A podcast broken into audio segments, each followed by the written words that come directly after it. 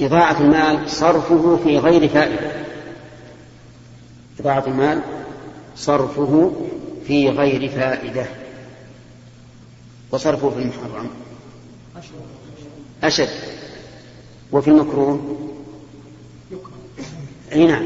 يعني ينهى عنه.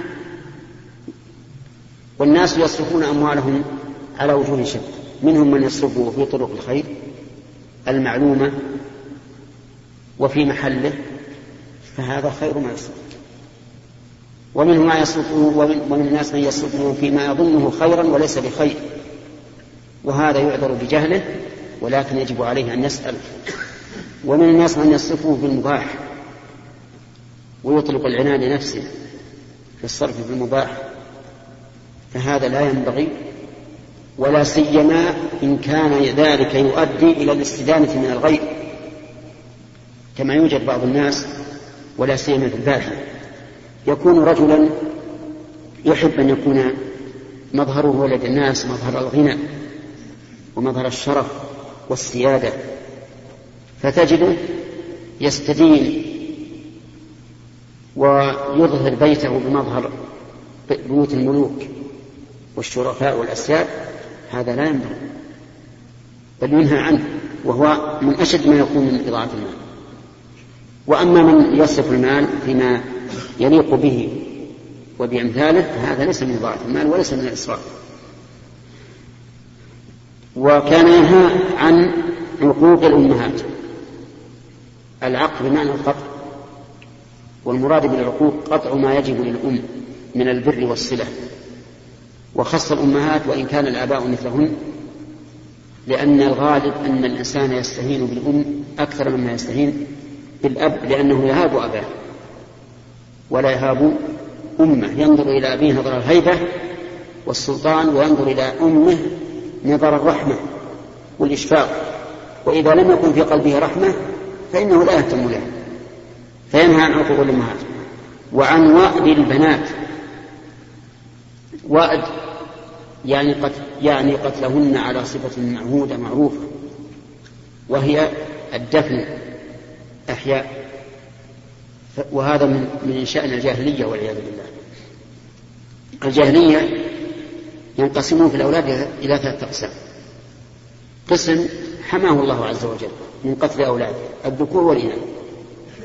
وقسم آخر يقتل الذكور والإناث. وهؤلاء أشار الله إليهم في قوله ولا تقتلوا أولادكم من إملاق وخشية إملاق هؤلاء يقولون يقولون يكبرون يضيقون علينا بالأكل والشرب. والقسم الثالث يقتل النساء فقط الإناث فقط لأنهن على زعم عار عليه. وإذا بشر أحدهم بالأنثى ظل وجهه مسودا وهو كظيم. أعوذ بالله يعني يتغير في ظاهره وباطنه. في ظاهره يكون وجهه إيش؟ مسود. وفي باطنه كظيم ممتلئ غيظا يتوارى من القوم يختفي ويتدسس عنه من سوء ما بشر به. لأنهم يلاقون فلان جبر الله مصيبتك جاءك اليوم بنت. فيتوارى منه من سوء ما بشر به. ثم يفكر أيمسكه على هون يعني يبقيه حيا على هون وذل ومهانة أم يدسه في التراب؟ وهذا هو الوعد. قال الله ألا ساء ما والعجب أن هؤلاء يشمئزون ويستنكفون من أن تنسب البنات إليهم ويجعلونها لمن؟ لله. ويجعلون الله البنات ولهم ما يشتهون. نعم. كما فعلوا ذلك في المآكل. وجعلوا الله مما ذرأ من الحرث والأنعام نصيبا فقالوا هذا لله بزعمهم وهذا لشركائهم. فما كان لشركائهم فلا يصل إلى الله. وما كان لله فهو يصل إلى شركائه. كذلك أيضا ينهى طيب عن وأد البنات ووأد الأولاد. مثل لكن التخصيص هنا باعتبار الواقع. وقد ذكر علماء الأصول أن التخصيص باعتبار الواقع لا مفهوم له. مرت علينا هذه؟ اي نعم مر علينا. القيد بحسب الواقع. وربائبكم اللاتي في حجوركم هذا باعتبار الواقع فليس له مفهوم. وأد البنات باعتبار الواقع فليس له مفهوم. ومنع وهات منع لما يجب وهات لما لا يجب لما لا يجب له. يعني يمنع ما يجب له ما يجب عليه. وهذا يدل على البخل. وهات يطلب ما ليس له. وهذا هو الشح. والشح قال فيه الرسول عليه الصلاة والسلام اتقوا الشح فإنه أهلك من كان قبله. هذا الحديث كما ترون جمع مسائل متعدية يدلنا على نصح سلف الأمة لولاة الأمر. فإن المغيرة رضي الله عنه أتى بكل ما, ما أتى به لأن المقام يقتضيه.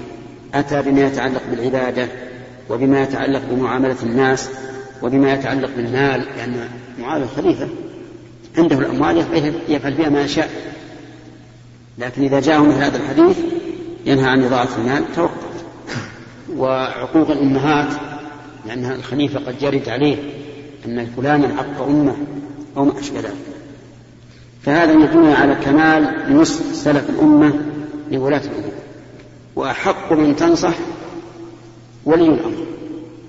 لأن ولي الأمر إذا صلح صلح من تحت ولايته. وإذا فسد أهمل وأضاع. نعم. نعم.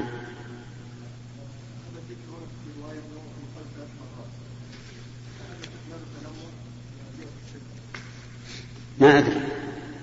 اللي في الصحيحين مرة.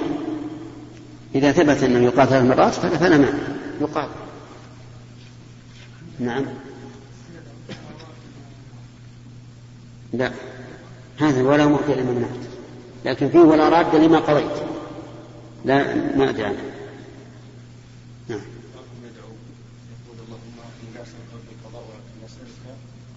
اللطف فيه. هذا حرام. لا يجوز الإنسان أن يقول هكذا أن تدعو الله بما شئت والدعاء يرد القضاء. كما جاء في الحديث لا يرد القضاء إلا الدعاء. وأنت الآن كأنك, كأنك تتحدى الله. تقول اقضى علي باللي تبي لكن الطف. ما ما بسال قل اللهم إني أعوذ بك من شرور أنفسنا ومن سيئات أعمالنا. أن تقول اللهم إني لا أسألك رد القضاء اللهم إني لا أسألك أن لا أسألك أن تمنعني من الغرق ولكن ألطف بي إذا غرقت. هذا المعنى. هذا يستقيم؟ ما يستقيم. وهذه أيضا مبتدعة ما ما سمعناها في دعاء الأولين ولا ولا الآخرين اللي أدركناهم من العلم لكن المتأخرين ما شاء الله يجيبون كل شيء. نعم. حدثنا أبو اليمان قال أخبرنا شعيب عن الزهري حاء وحدثني محمود قال حدثنا سليمان بن حرب. حدثنا سليمان بن حرب. قال حدثنا حماد بن زيد عن ثابت عن أنس. قال كنا عند عمر فقال نهينا عن التكلف حدثنا أبو اليمان. قال أخبرنا التكلف في كل شيء. حتى في أحوالك الخاصة لا تكلف خلي الأمور تأتي على طبيعتها وعلى ما تيسر. تستريح. لأنك إذا تكلفت تكلفت. إذا أردت أن يكون كل شيء على ما تريد فاتك كل ما تريد. وتعبت خلى الأمور تمشي على طبيعتها. اللي تيسر تيسر. واللي ما يتيسر فاعلم أن الله سبحانه وتعالى لو أراد سواه لحصل فالتكلف بكل شيء منهي عنه. ولا أعرف لفظ الحديث الذي ورد لكن قول عمر نهينا قال العلماء إنه من المرفوع. إيش؟ حكما. وأما المرفوع صريحا بهذا فهو قوله عليه الصلاة والسلام هلك المتنطعون قالها ثلاثة. نعم. حدثنا أبو اليمان قال أخبرنا شعيب عن الزهري. حاء وحدثنا محمود. قال حدثنا عبد الرزاق. قال أخبرنا معمر عن الزهري. قال أخبرني أنس بن مالك رضي الله عنه أن النبي صلى الله عليه وسلم خرج حين زاغت الشمس فصلى الظهر. فلما سلم قام على المنبر فذكر الساعة وذكر أن بين يديها أمورا عظاما. ثم قال من أحب أن يسأل عن شيء فليسأل عنه. فوالله لا تسألوني عن شيء إلا أخبرتكم به ما دمت في مقامي هذا. قال أنس فأكثر الناس البكاء وأكثر رسول الله صلى الله عليه وسلم أن يقول سلوني فقال أنس فقام إليه رجل فقال أين مرسلي يا رسول الله؟ قال النار. فقام عبد الله بن حذافة فقال من أبي يا رسول الله؟ قال أبوك حذافة. قال ثم أكثر أن يقول سلوني سلوني. فبرك عمر على ركبتيه فقال رضينا بالله ربا وبالإسلام دينا وبمحمد صلى الله عليه وسلم رسولا. قال فسكت رسول الله صلى الله عليه وسلم حين قال عمر ذلك. ثم قال رسول الله صلى الله عليه وسلم أولى والذي نفسي بيده لقد عرضت علي الجنة والنار آنفا. أولى ولا لا والذي ثم قال رسول الله صلى الله عليه وسلم والذي نفسي ما عندنا ها؟ عندكم أولى؟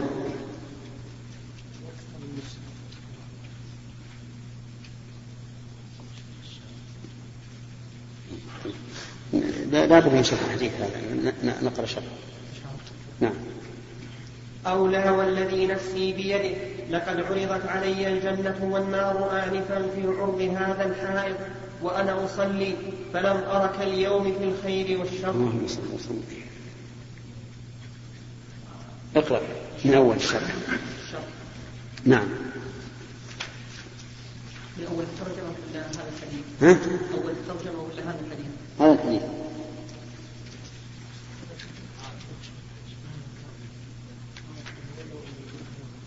هل هو متكلم؟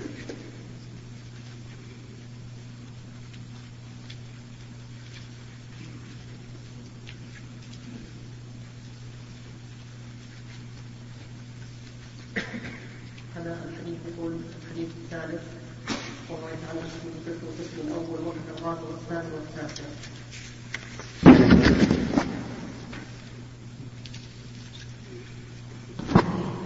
هذا الخامس الله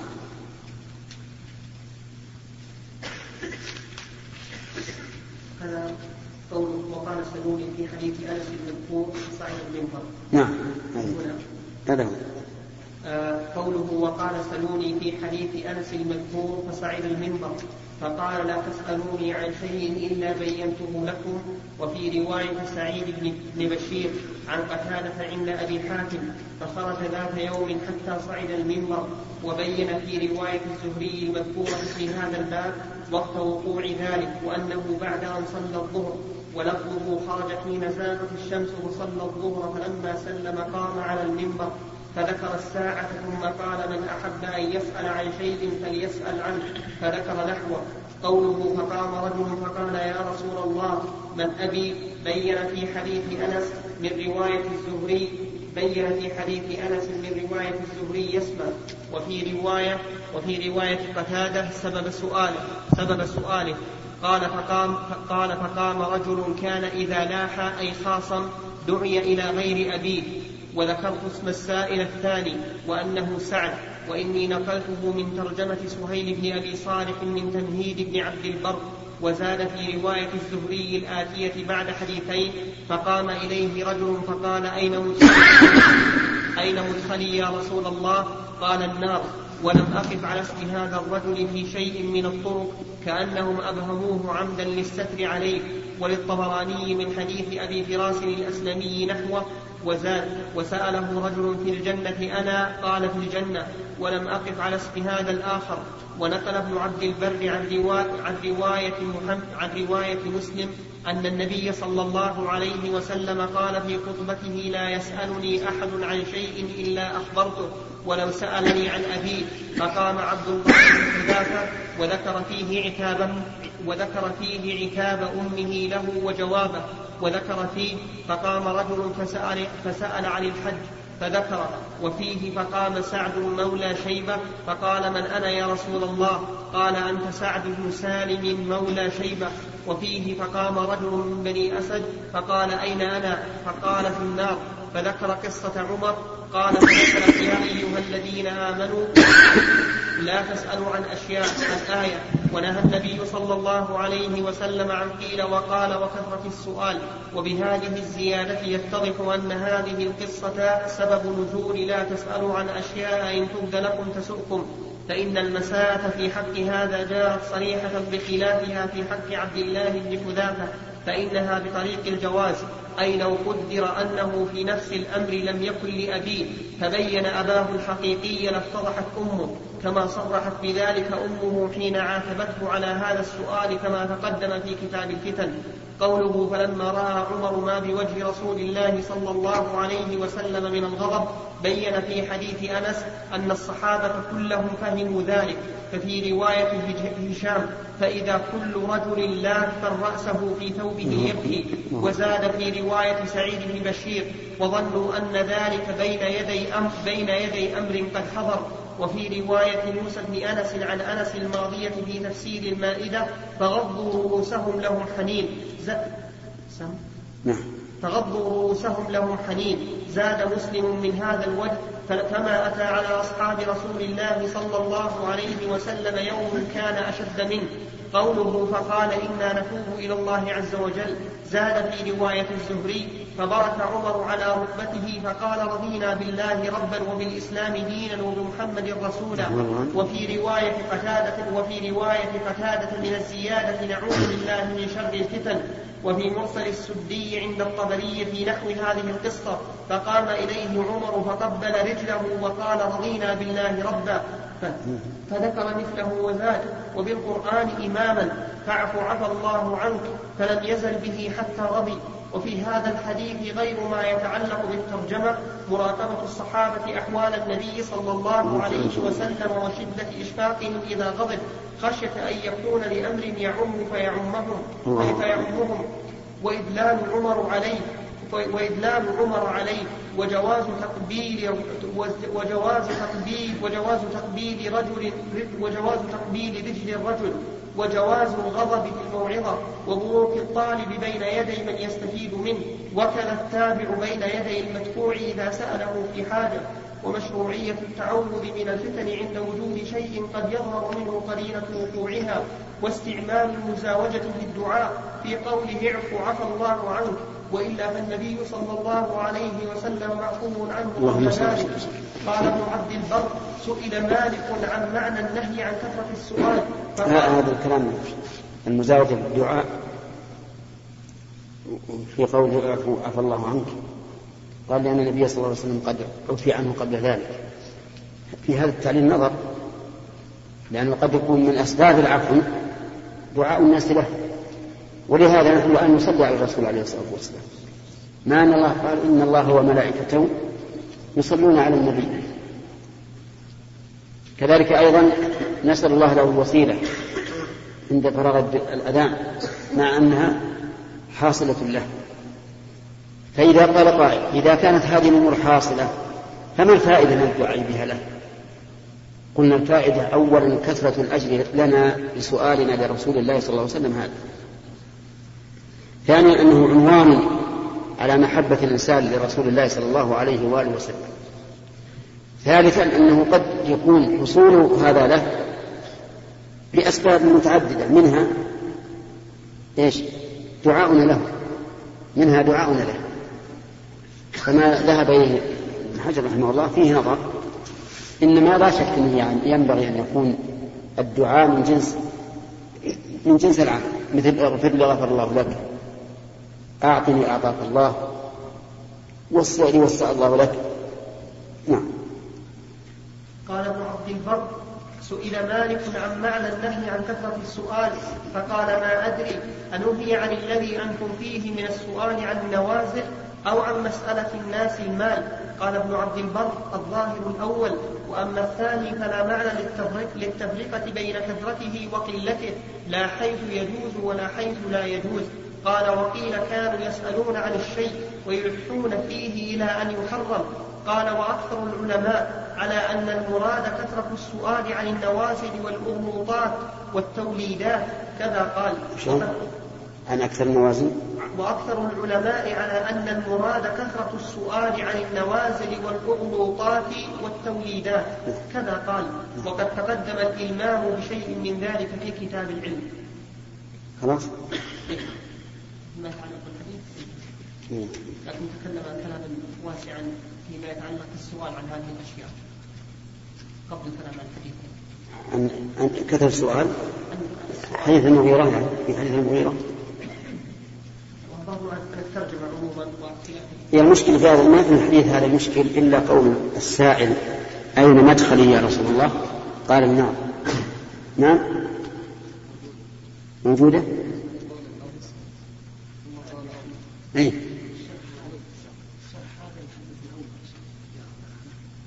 ثم طيب هات صفحة كم اللي عندك؟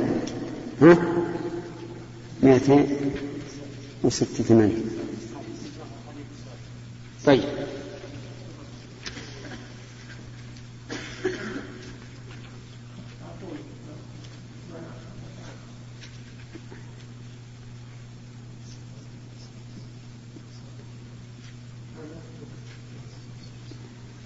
الحديث السادس وهو يتعلق بالقسم الثالث وكذا الرابع حديث أنس وهو في معنى الحديث الرابع وقد مضى شرحه أورده من وجهين عن الزهري وساقه هنا على لفظ معمر وفي باب وقت الظهر من كتاب الصلاة بلفظ شعيب وهما متقاربان ووقع هنا فأكثر الأنصار البكاء في رواية الكشميهني وفي رواية غيره فأكثر الناس وهي الصواب.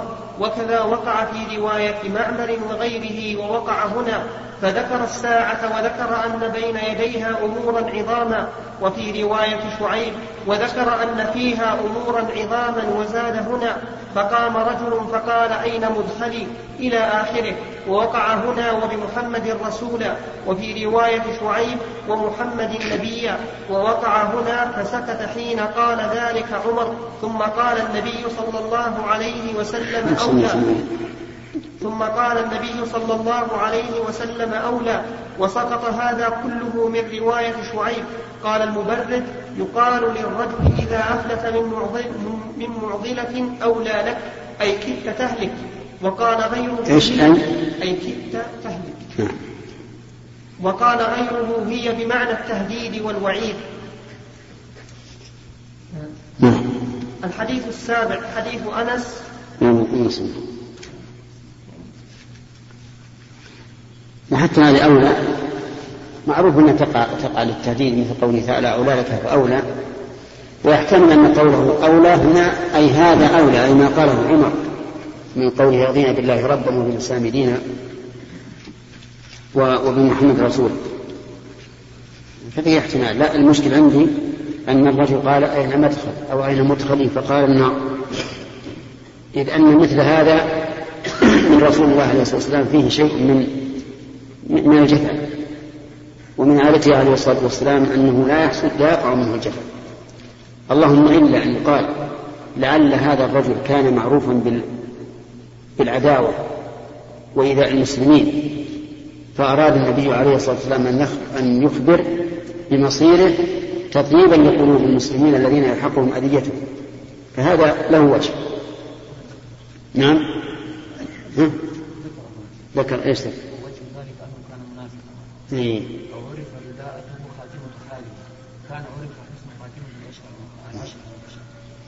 إيه. على كل حال هذا هذا مخرجه والله أعلم. نعم.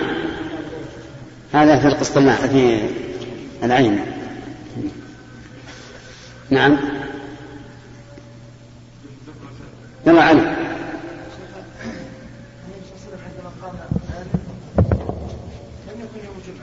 اي نعم. لا ليس خاصا. كان الرسول اذا أراد الخطبة أحيانا يقوم عن المنبر لأجل أن يعلو ويرتفع ويمضي الصوت اراد خير. ها؟ إيش؟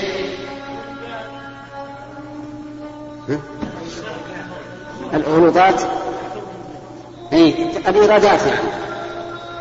الإيرادات والمنازعات للمسؤول.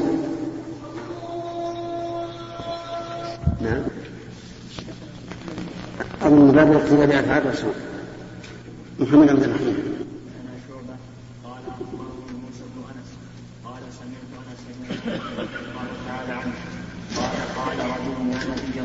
من أبي؟ قال أبوك فلان.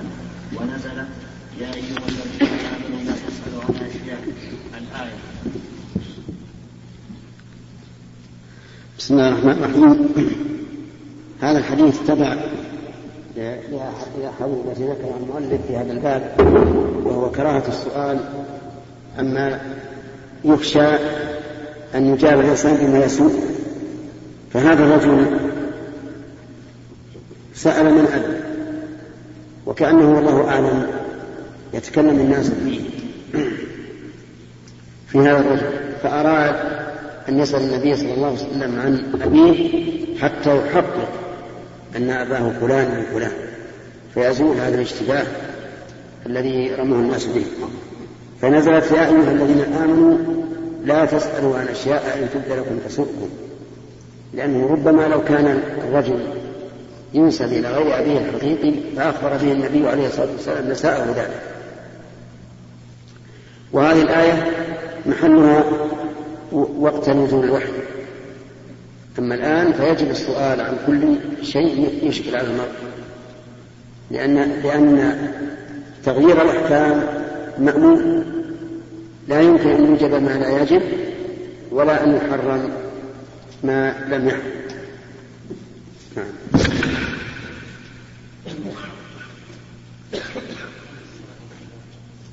نعم. هنا قال رجل وقد سبق أن نذكر عدم من الفلاح. ما ذلك عندك شيء.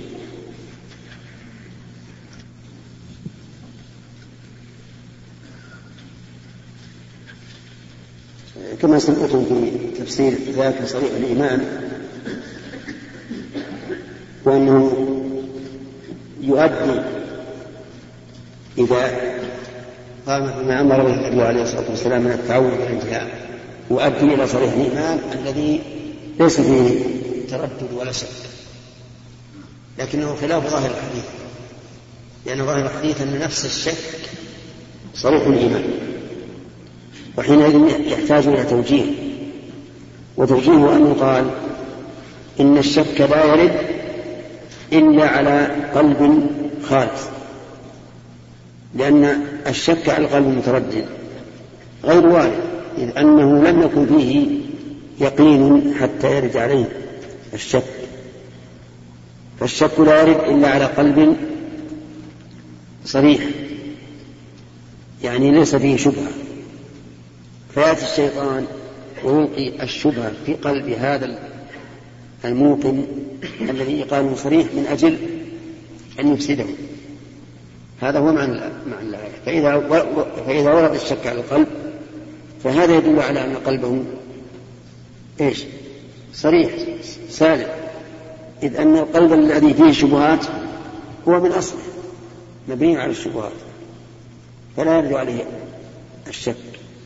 هذا هو المعنى الصحيح وقد أشار إليه رحمه الشيخ الإسلام رحمه الله في كتاب الإيمان. نعم.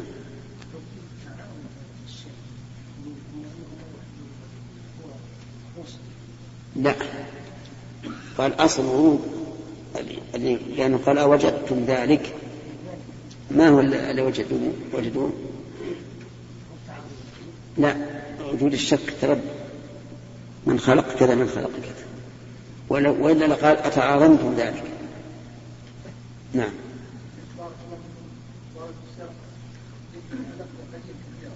نعم.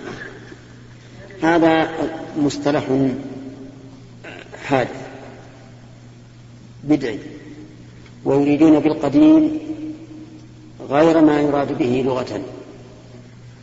فالقديم في اللغة ما سبق غيره وإن كان حادثا ومنه قوله تعالى حتى عاد كالعرجون القديم. وأما القديم عندهم اصطلاحهم اصطلاحهم فهو الذي لم يسبق بعدم. وعلى هذا فيكون بمعنى الأول ولكن الأول أولى منه أولا لأنه هو الذي ورد في القرآن والسنة. وثانيا أن فيه معنى أولى الأشياء التي بعده إليه لأنه يجوز أن يكون من الأولية بمعنى التقدم أو من الأول بمعنى الرجوع. فيكون الأول أولى بلا شك من القديم وإن كان القديم بمعناه عند هؤلاء في اصطلاحهم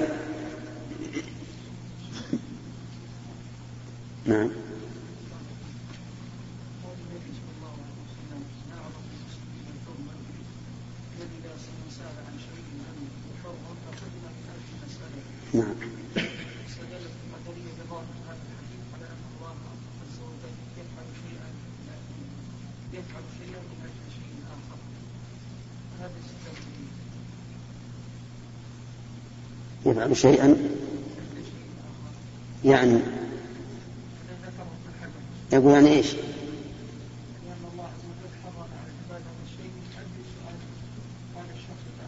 طيب.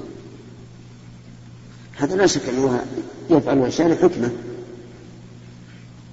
والحكمة هي الشيء يبين الله لكم أن تضلوا والله يريد أن يتوب عليكم في هذا المعنى كثير. فالله عز وجل لا يفعل شيئا عبثا بس لمجرد أنه فعله أو أنه أراد فعله بل لا يفعل الشيء إلا لحكمة. فهذا الرجل الذي سأل عن شيء فحرم من أجل مسألته من أجل مسألته لولا سؤاله. لكان مما سكت عنه وما سكت عنه فهو عفو. ثلاثة. نعم. حدثنا محمد بن عبيد بن ميمون قال حدثنا عيسى بن يونس عن الأعمش عن إبراهيم قال قال خالد بن مسعود رضي الله تعالى عنه.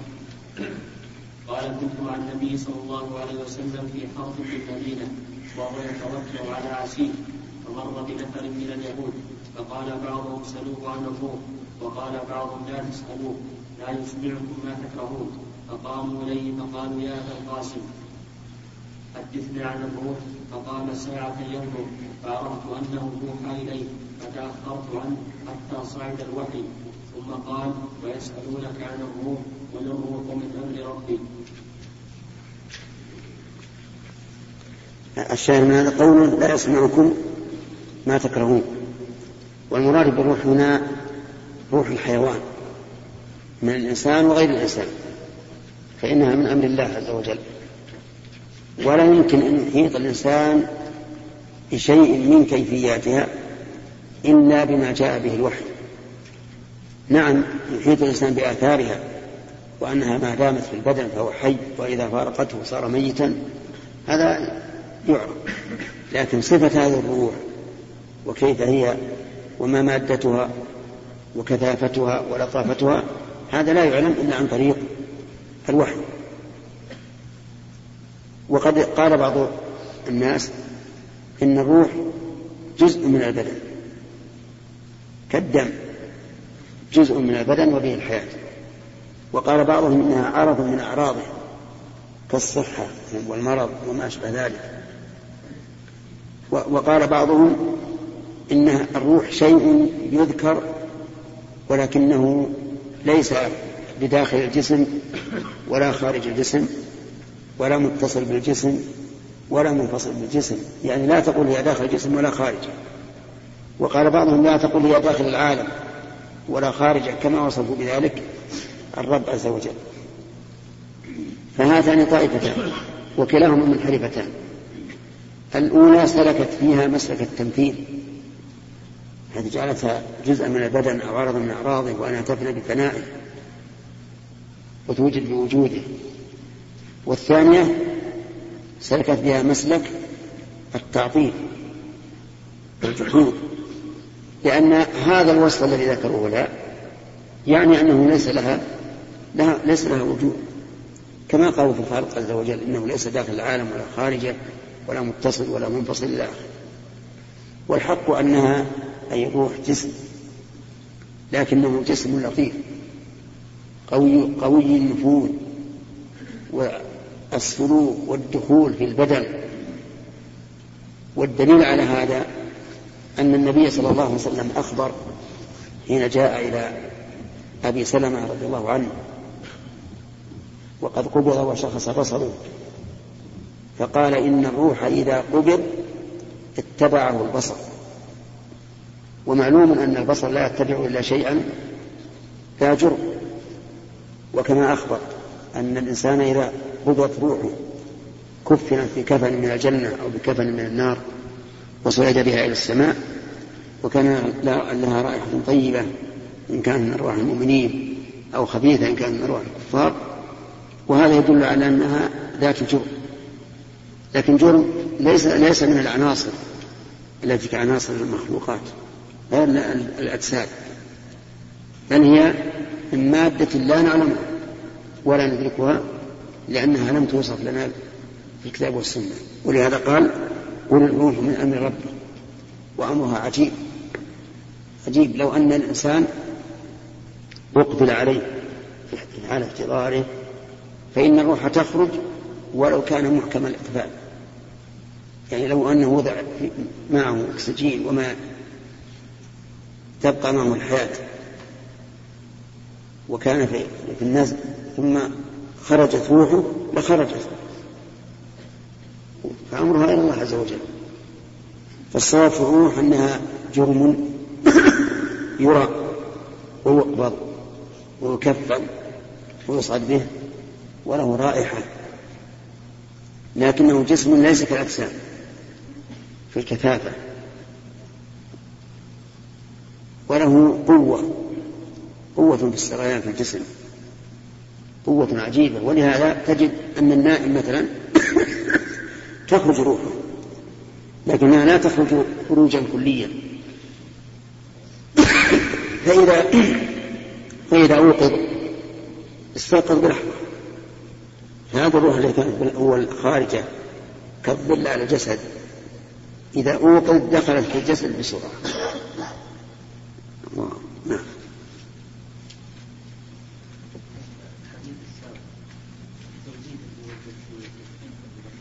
نعم. ولا نشاء الله. نعم. بينما ذكر حديث أخرج النبي صلى الله عليه وسلم عن الوسوسة نعم. فقال تلك نعم. هذا صريح. صريح لأنه وسوس نفسه كأنه وسوس نفسه صريح محض الإيمان أي صريح. لكن كيف ابن حجر رحمه الله ظاهر لي أنه يعني لا يعتني كثيرا بكتب شيخ الإسلام ابن الحديث والحديث واضح سبحان الله. هذا ما يدل على نقص الإنسان مهما كان.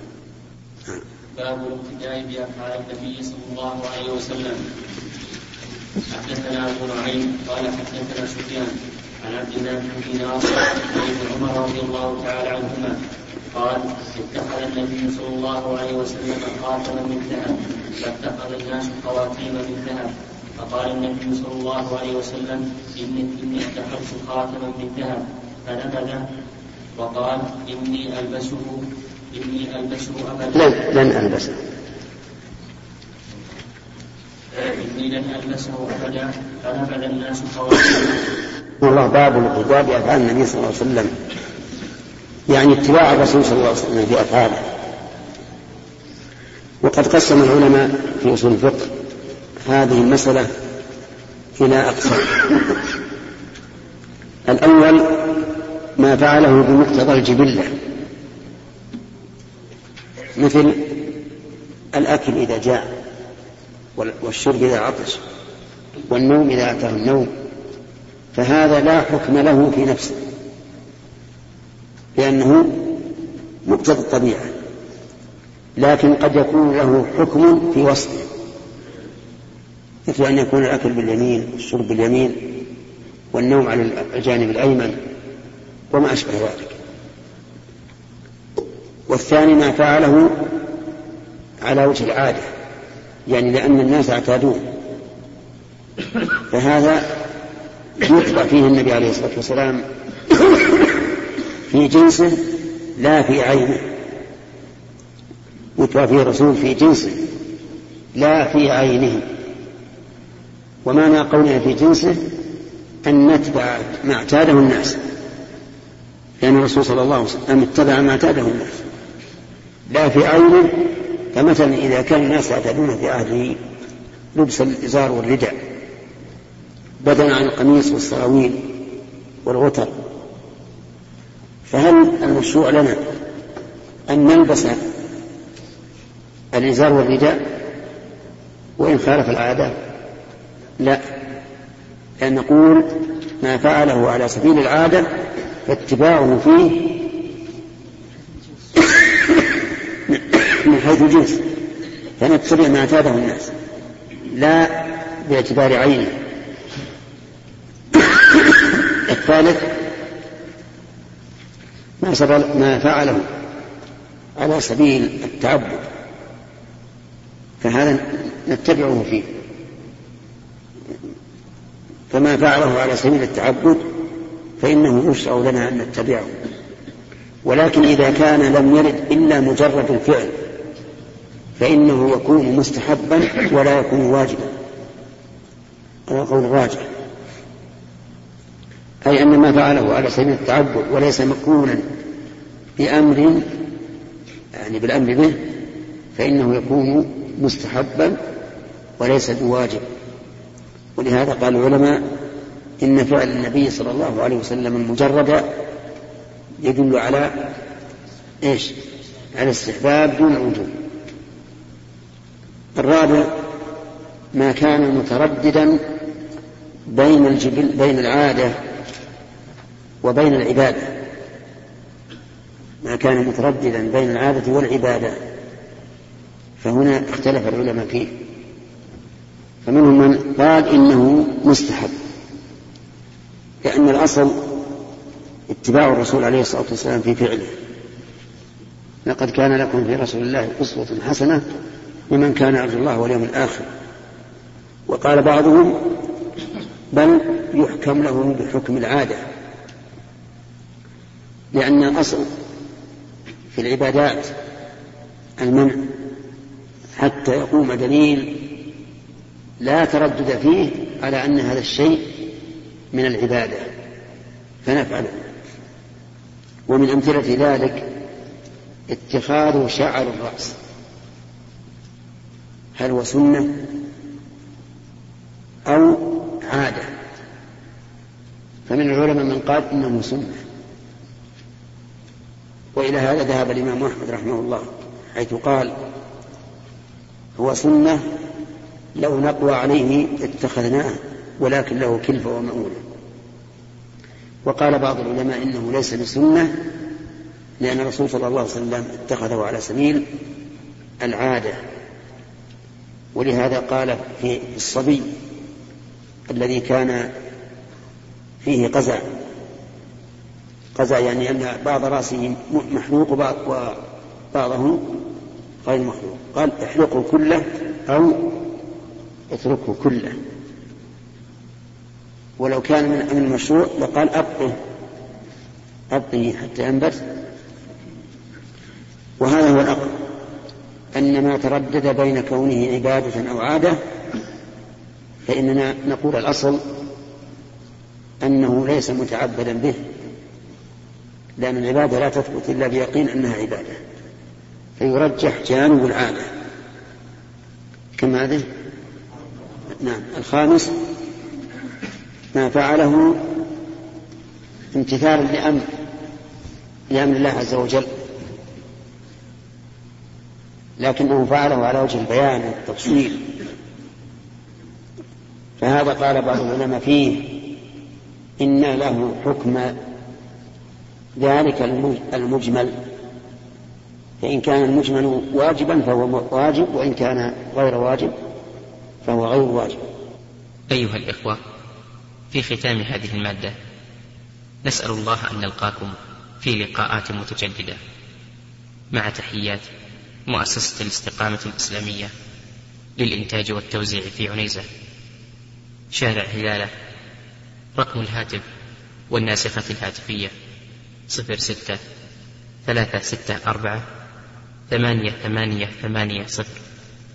والرقم الثاني صفر ستة ثلاثة ستة أربعة خمسة ثمانية ثمانية صفر. ورقم صندوق البريد اثنان وخمسمائة وألف.